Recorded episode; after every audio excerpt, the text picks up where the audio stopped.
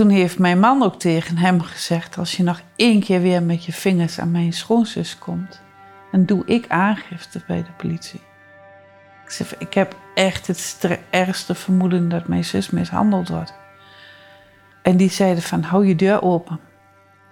Trek aan de bel. Ja, ik, ja, ja is mijn advies. Uh, kijk, het stopt niet vanzelf. Dus ergens moet er een begin uh, gemaakt worden. En uh, dat kun jij als persoon zelf die erin zit. Een ander kan het niet, kan het niet doen.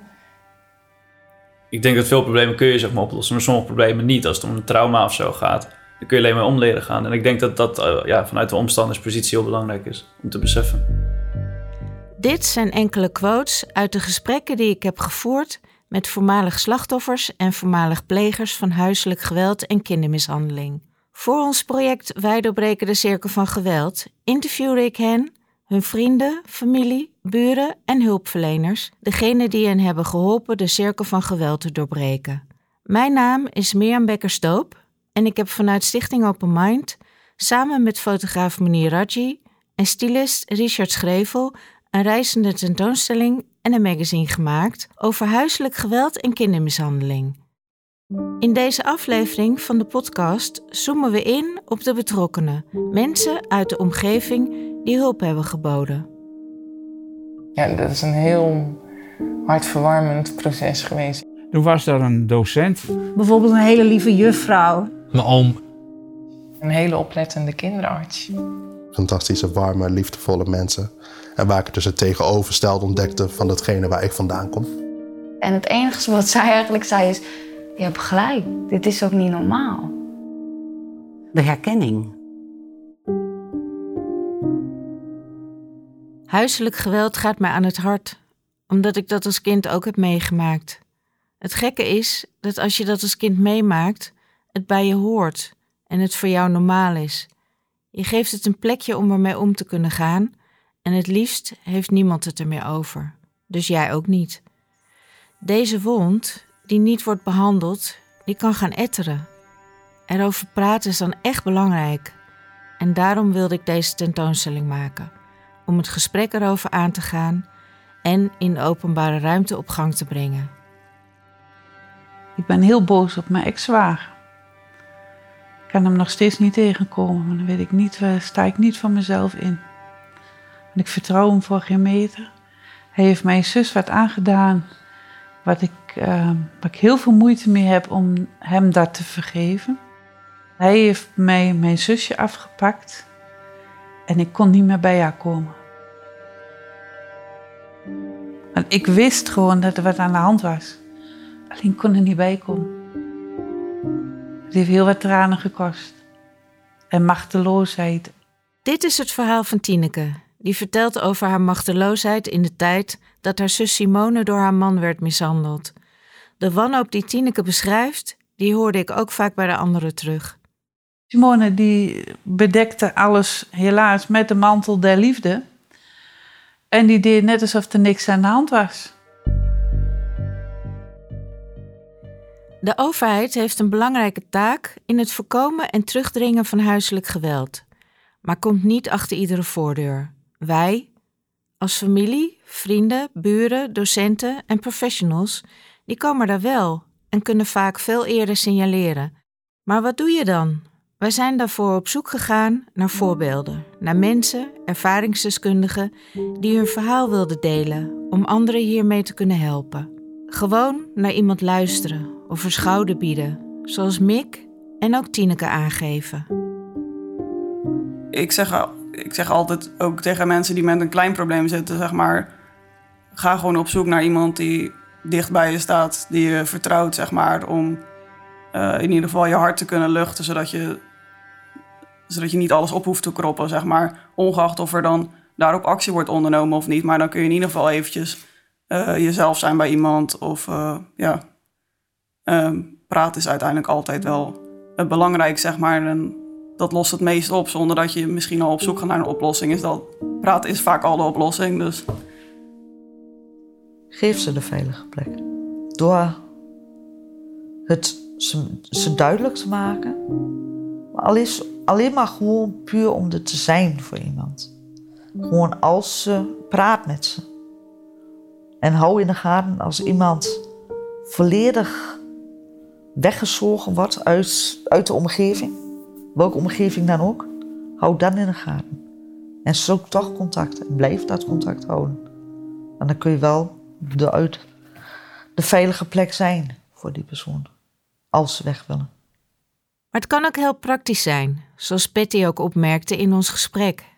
Het praktische stukje wat ik heel fijn vond, wat ik met een, met een buurvrouw toen heb afgesproken in, uh, toen ik in Den Helder woonde, is dat ik uh, af zou spreken dat op momenten dat ik uh, mijn gordijnen niet meer open zou doen, dat ze zou komen kijken. Dus ik deed altijd s'avonds de gordijnen dicht. en die liet ik dan tot s morgens een uur of negen of tot wanneer dat ik wegging. Dus als ik om tien uur dan nog steeds mijn gordijnen dicht had, dan was er iets aan de hand. Voor de omgeving, ja, als die zou willen helpen, probeer dan ook te kijken naar wat dan op dat moment de behoefte is van, uh, ja, noem het dan maar een, een overlever, noem ik het. Liever geen slachtoffers, maar overlevers, zeg maar.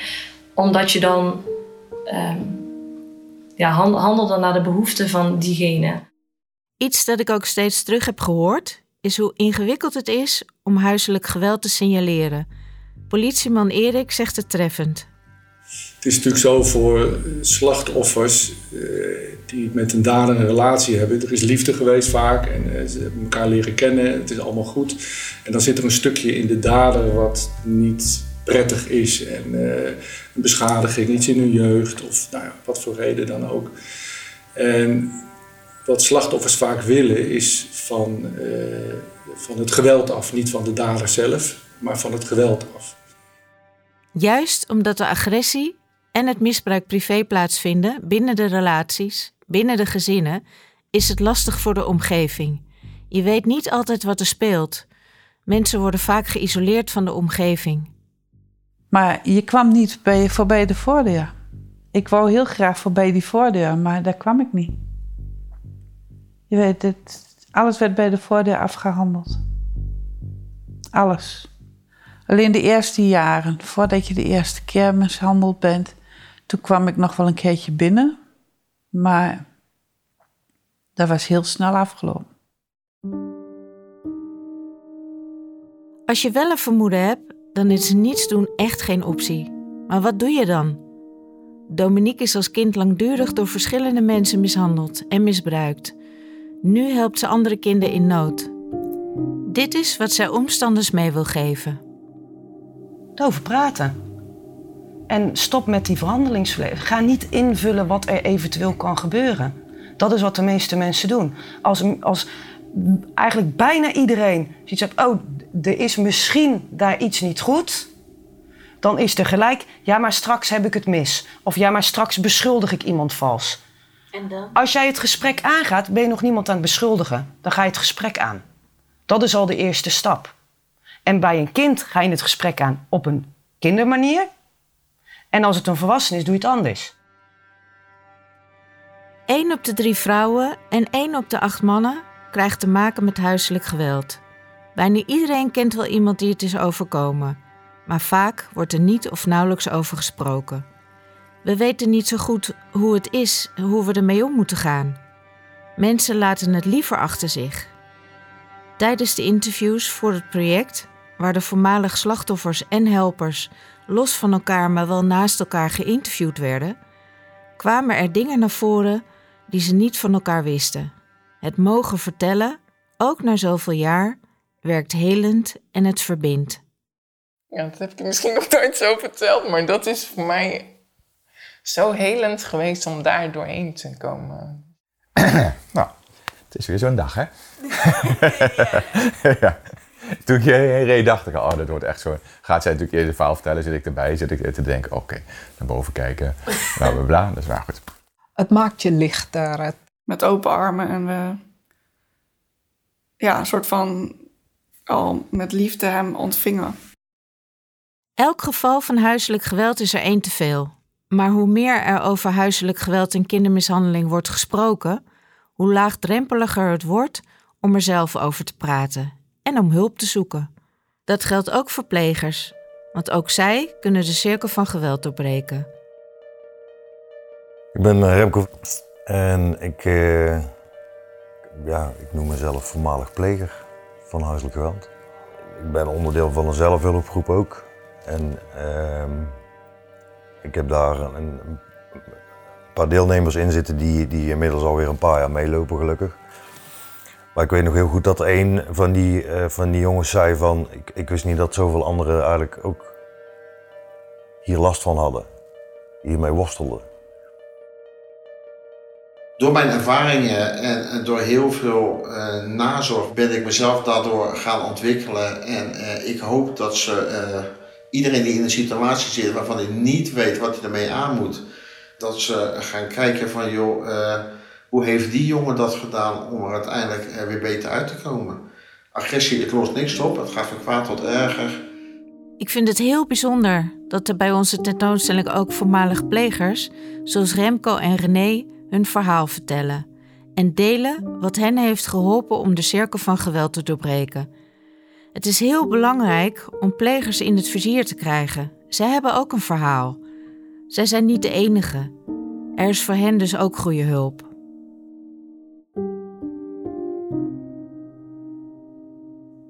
Geportretteerden werken zelf als ervaringsdeskundigen, zoals Nina, Danny, René, Remco, Angelique, Patty, Dominique en ook Jacob vertelt nu na 26 jaar gezwegen te hebben zijn verhaal.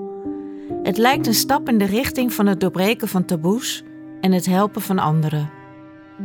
Het is uh, gewoon een, zo'n groot taboe en mensen vinden het zo eng, nu nog steeds eigenlijk. Dat moet naar de openbaarheid.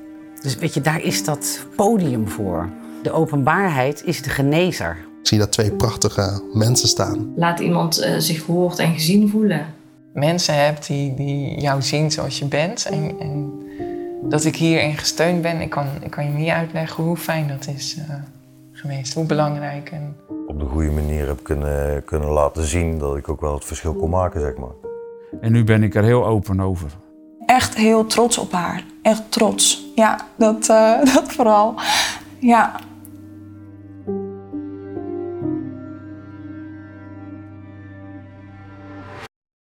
Ik wil alle geportretteerden bedanken voor hun persoonlijke verhalen en inzichten. We hebben samen al veel mensen bereikt en hopen de komende periode nog veel meer mensen te ontmoeten, met hen te praten, maar vooral te luisteren. Dit is een podcast van Stichting Open Mind over huiselijk geweld en kindermishandeling en wat jij als vriend, vriendin, familielid of omstander daarin kunt doen of betekenen. Ook al heb je slechts een vermoeden dat is genoeg om een open gesprek aan te gaan. Laat weten dat je er bent. Win vertrouwen. Want niets doen is echt geen optie. Jij kunt het verschil maken. Meer informatie over dit project van Stichting Open Mind vind je op www.stichtingopenmind.nl/slash wij. Deze podcast werd gemaakt in opdracht van Stichting Open Mind Research en productie Esther Thiele en Reineke Schermer van Studio Groen en Geel. De muziek is van Cyril Directie en Len van der Laak. Montage Studio Airforce. De interviews en voice-over door mij, Mirjam Bekker-Stoop. Dankjewel voor het luisteren.